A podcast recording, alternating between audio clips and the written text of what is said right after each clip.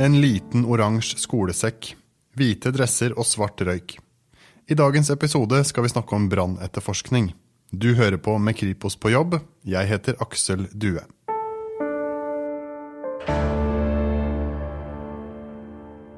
Velkommen, Sølvi Harjo. Du er kriminaltekniker, jobber på brann, kjemi og dokumenter her på Kripos. Har vært kriminaltekniker i nesten 21 år.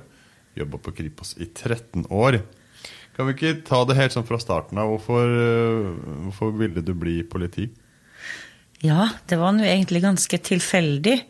Eh, vi hadde sånn yrkesorientering på ungdomsskolen en gang. Og da var det en politimann fra Vadsø politistasjon som sto og fortalte hvordan det var å jobbe som politi. Og da skjønte lille Sørvik hva det var hun skulle bli her i livet. Så da starta det. Og veien din inn i kriminalteknikken, da? I, den starta egentlig allerede i aspiranttida. Eh, når jeg, var, jeg jobba i Lakselv. Og da fikk jeg eh, utfolde meg litt på diverse innbruddsåsteder med litt kriminalteknikk.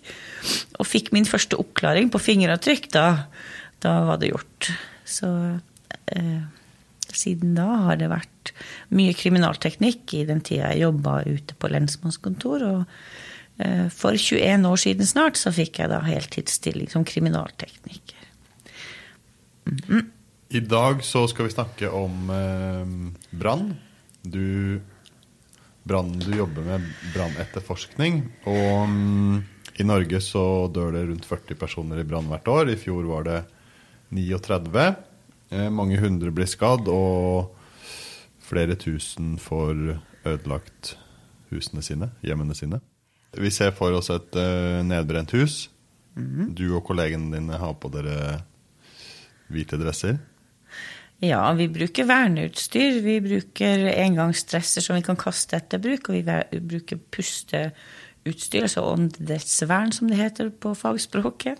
Sånn at ikke vi ikke skal trekke inn uh, alle de her eh, farlige støvproduktene i, i lungene våre.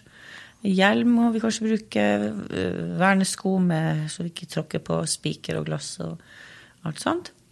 Er det fortsatt røyk når du er Nei. Det, vi må vente til brannstedet har blitt kaldt, øh, og ikke noe røyk. Vi har ikke utstyr for å gå inn i varme, røykfylte bygg. Det, da har vi sett brannvesenet. De har et helt annet utstyr enn vi har. Da har de med seg eh, oksygentanker på ryggen, og det har ikke vi. Nei. Og hva med mm, døde mennesker?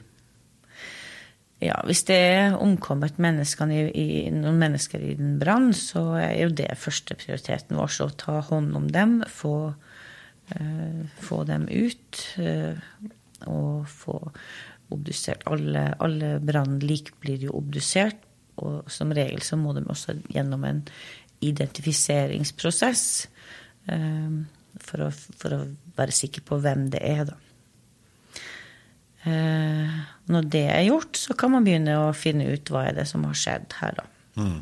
Kanskje du kan ta oss med tilbake til noen av åstedene du har vært på, som du, som du husker spesielt godt? Ja, spesielt godt. Eh, det tror jeg må være en brann. Det er mange, mange år siden. Eh, nesten i min spede start som brannetterforsker. Hvor det var en syv år gammel gutt som omkom. Vi eh, gjorde jo jobben vår på det brannstedet. Og idet jeg skulle gå ut av inngangsdøra, eller da så en liten oransje skolesekk som sto ved døra der. Det var likedan sekk som sønnen min, som gikk i første klasse, hadde. Det var førsteklassing han fikk utdelt en sånn skolesekk. Da slo det meg at det, det, faktisk var en liten gutt som var like gammel som sønnen min, som hadde omkommet i den brannen. Det er vel kanskje den jeg husker best, og vil huske huske for evig, liksom. Man tenker at man eh, gjør, når vi er der og gjør en jobb, så gjør vi det. Og jeg liksom tenker ikke så mye over det andre. Men så kommer det sånne bitte små ting som får deg tilbake til virkelighet, da. Skal vi kalle det for det. Uh, ja. Og en viktig del av deres arbeid er jo på en måte å fortelle eh, brannens historie. Og i det så er det jo, som du var innom nå, av og til veldig tragiske utfall. Så eh, hvordan, hvordan, er det, holdt jeg på å si? Det å på en måte kartlegge hvordan et menneske omkommer i en brann, da? Jo eh, Det er jo veldig ofte at man forstår eh, hvordan de her siste sekundene kanskje har vært. Eh, veldig ofte så sovner jo folk bare inn av røyken. Kanskje de ligger og sover. Det, det er jo egentlig for så vidt det beste, da. Men andre ganger så kan du se at man har f.eks. gjemt seg under senga, eller at man har eh, prøvd å ta seg mot eh, døra, og da Ja, da blir det liksom en litt annen setting. Man tenker at uh, den her har, personen har prøvd å komme seg ut, men ikke klart det. Så det er jo litt Måten den blir funnet på, hvor den blir funnet, kanskje hva de har på seg av klær, kan fortelle litt om hvordan den siste tida deres var. Når du, når du, ankommer til et åsted, går det, ganske, går det, går det fort før, når, før du får en magefølelse på at her er det noe, her er det noe muffens. her er det noen som, som har påtent? Ja, man prøver jo å skyve bort sånne magefølelser. Men utgangspunktet er jo at vi skal være objektive og si, la åstedet prate til oss. Men av og til har man jo fått noe informasjon om f.eks. at det har blitt observert at det har brent flere steder samtidig. Og da skjønner man jo at eh, det skjer jo ikke på en naturlig måte, kanskje. Men det normale er at det kan gå flere dager før man egentlig vet hva sak man står overfor. Når man kommer på, til et brent hus, så, så vet man jo egentlig ikke hva det er som har skjedd der, før man har gjort undersøkelsen ferdig. Og det kan ta flere dager. Mm. Men det, en viktig del av undersøkelsene foregår der, men så er det også undersøkelser som foregår her på Kripos. Hva slags type undersøkelse kan det være? Det kan være uh, sikra materialer. Vi kan sikre prøver med tanke på brennbare væsker, f.eks. Vi bruker jo veldig ofte å ha med oss uh, brannhundene våre som er trent til å lukte brennbare væsker. Og der de markerer, så sikrer vi prøver. De prøvene må analyseres, og så får vi se hva det analyseresultatet viser, da. Eh, eller så kan vi sikre en komfyr, f.eks., for, for å undersøke det nærmere, eller en lampe eller noe annet materiale som vi må undersøke nærmere på laboratoriet her på Kripos. For um, man, når du bare ser et nedbrent hus, så fremstår det klin umulig å finne ut av hvor var det brannen starta. Um, kan ikke du ta oss litt gjennom hvordan dere jobber for å finne ut av arnestedet? Ja, men det, det er ikke bare for menigmann det kan se sånn ut. Uh, I mange tilfeller, hvis det har vært en, en langvarig brann eller stor brann, og det er veldig store brannskader, så er det litt sånn når vi òg kommer sånn åh, uh, Jøss, skal vi finne ut av det her, liksom. Men så må man bare putte hendene i lomma og ta seg den tida det tar, og gå rundt og titte litt. Og finne de her små puslespillbrikkene som du kan sette sammen til et, et helt bilde, da. Sånn eh, enda mer i detalj, hvordan er det dere deler dere inn huset i soner? Hvordan går dere fram for å, for å finne ja, Åstedsmetodikken vår den er, går jo ut på at når vi ankommer åstedet, så det første vi gjør, er jo å få oss et overblikk. Vi tar en runde, og da ser vi jo på de her sporene om ja, F.eks. Har, har noen vinduer blitt ødelagt av brann, eller kan det kanskje være knust uh, før brann, eller av brannvesenet? Er det dører, vinduer som er lukka? Hvor er det mest brent? Hvor er det minst brent? Og ut ifra det vi ser, så avgrenser vi eh, undersøkelsesområder. Altså vi bestemmer hvor skal vi begynne å gjøre undersøkelsen. Vi kan jo ikke starte i det ene hjørnet og slutte i det andre hjørnet. Vi må, vi må på bakgrunn av det vi ser, og det vi har hørt av vitneopplysninger, så klarer vi å, å, gjøre en liten avgrensning. F.eks. at vi finner ut at ok, her er det mest brent i stua. Eh, vitnene så flammer først ut gjennom stuevinduet. Da er det jo ting som tyder på at det kan ha starta i stua, og da er det der vi begynner. Og da begynner vi med det vi kaller for å grovrydde først. Altså vi fjerner eh, takstein, takplate, bjelker som har ramla ned. Kanskje hele pipa har rast ned, og vi kan fjerne murstein. Eh, isolasjon. Tar vekk de store tingene. Og når det er gjort, da begynner den møysommelige jobben med det vi kaller for finrydding. Eh, da skal vi egentlig identifisere alt som er der. Eh, kullbiter er selvfølgelig ikke så interessant, men vi skal prøve å finne ut hvordan så det egentlig ut i denne stua, da, i dette tilfellet, før brann. Og det skal ende opp i en rekonstruksjon. Både brann og slukkeinnsatsen kan jo forstyrre brannstedet. Ting kan flyttes på, ting raser sammen og brenner bort. Så vi skal prøve å, så godt vi kan å klare å rekonstruere hvordan det så ut før brann. Da kan vi begynne å gjøre vurdering av de her sporene som, som jeg ofte kaller for puslespillbrikker, som vi skal pusle sammen til, til et bilde som vi kan forstå. Når det brenner, så er det det politidistriktet der hvor det brenner, som har ansvaret for brannen. Eh, eller ansvaret for etterforskningen. Ja. Eh, hva er det som er Kripos sin rolle? Kripos er bistandsorganet for politiet i Norge. Så når eh, det brenner i et politidistrikt, så er det kriminalteknikerne i det distriktet som i utgangspunktet starter, starter den jobben. Og så er det dem som må vurdere om de ønsker at vi skal bistå dem.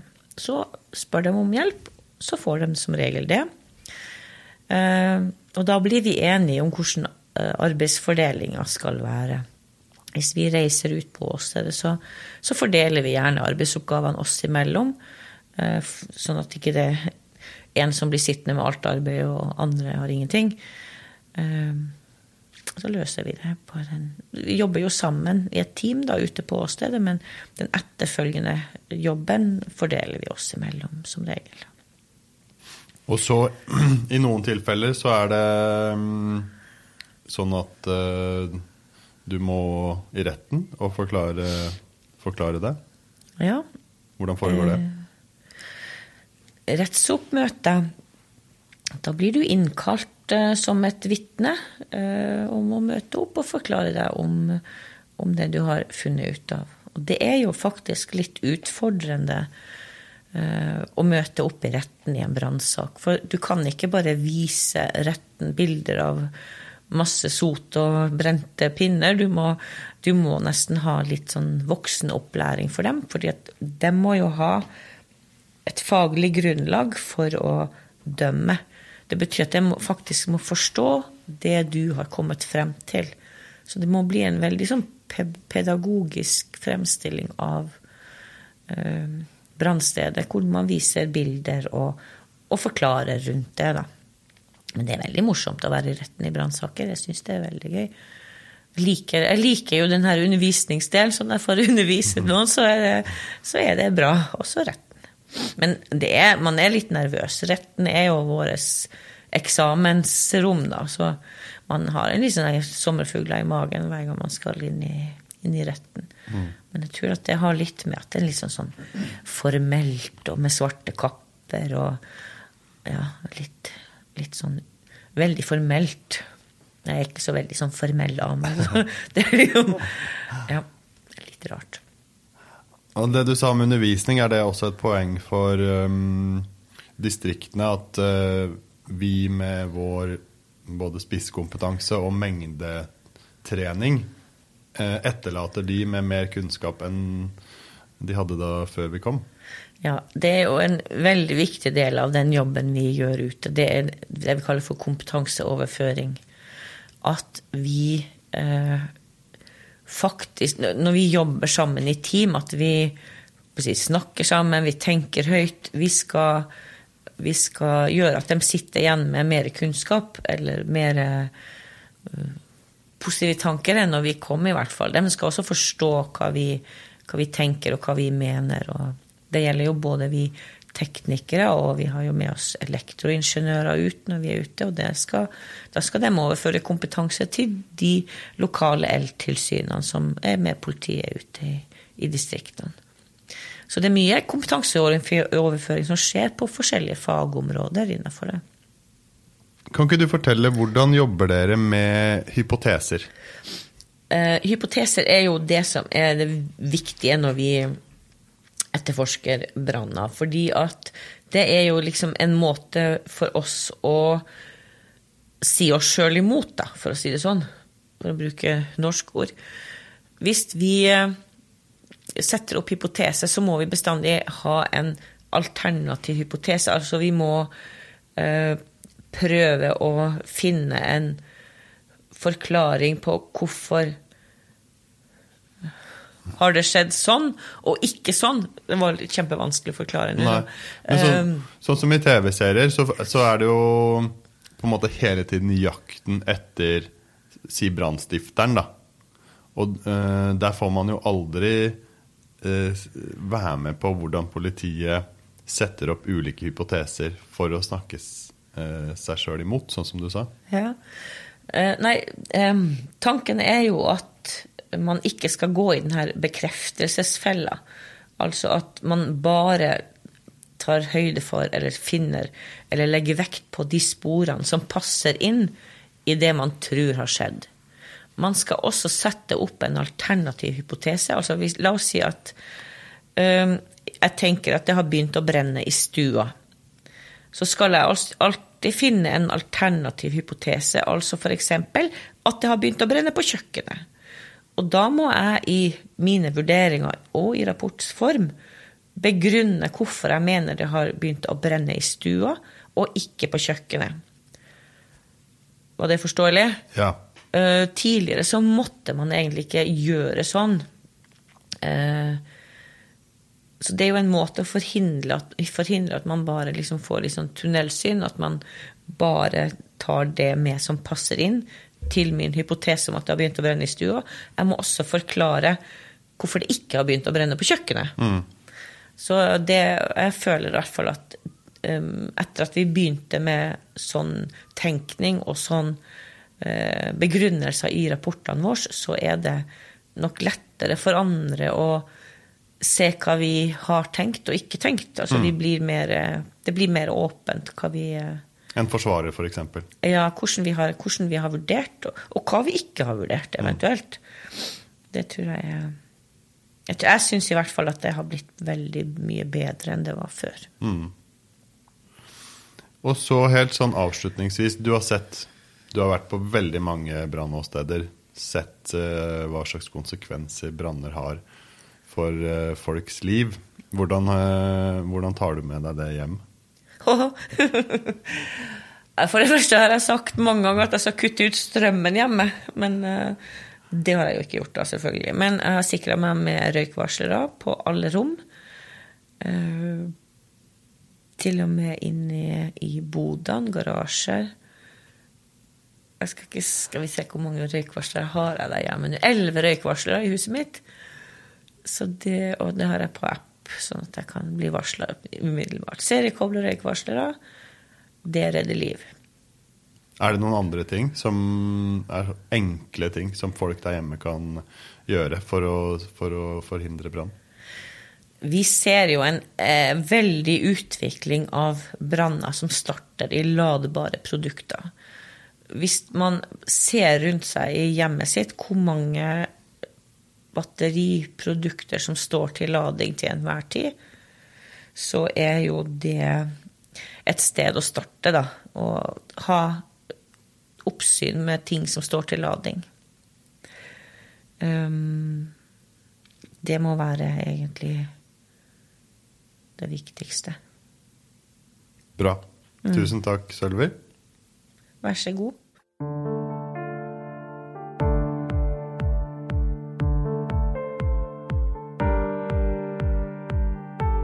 Du har hørt en episode av podkasten Med Kripos på jobb. Programleder var Aksel Due, og podkasten produseres av kommunikasjonsstaben i Kripos.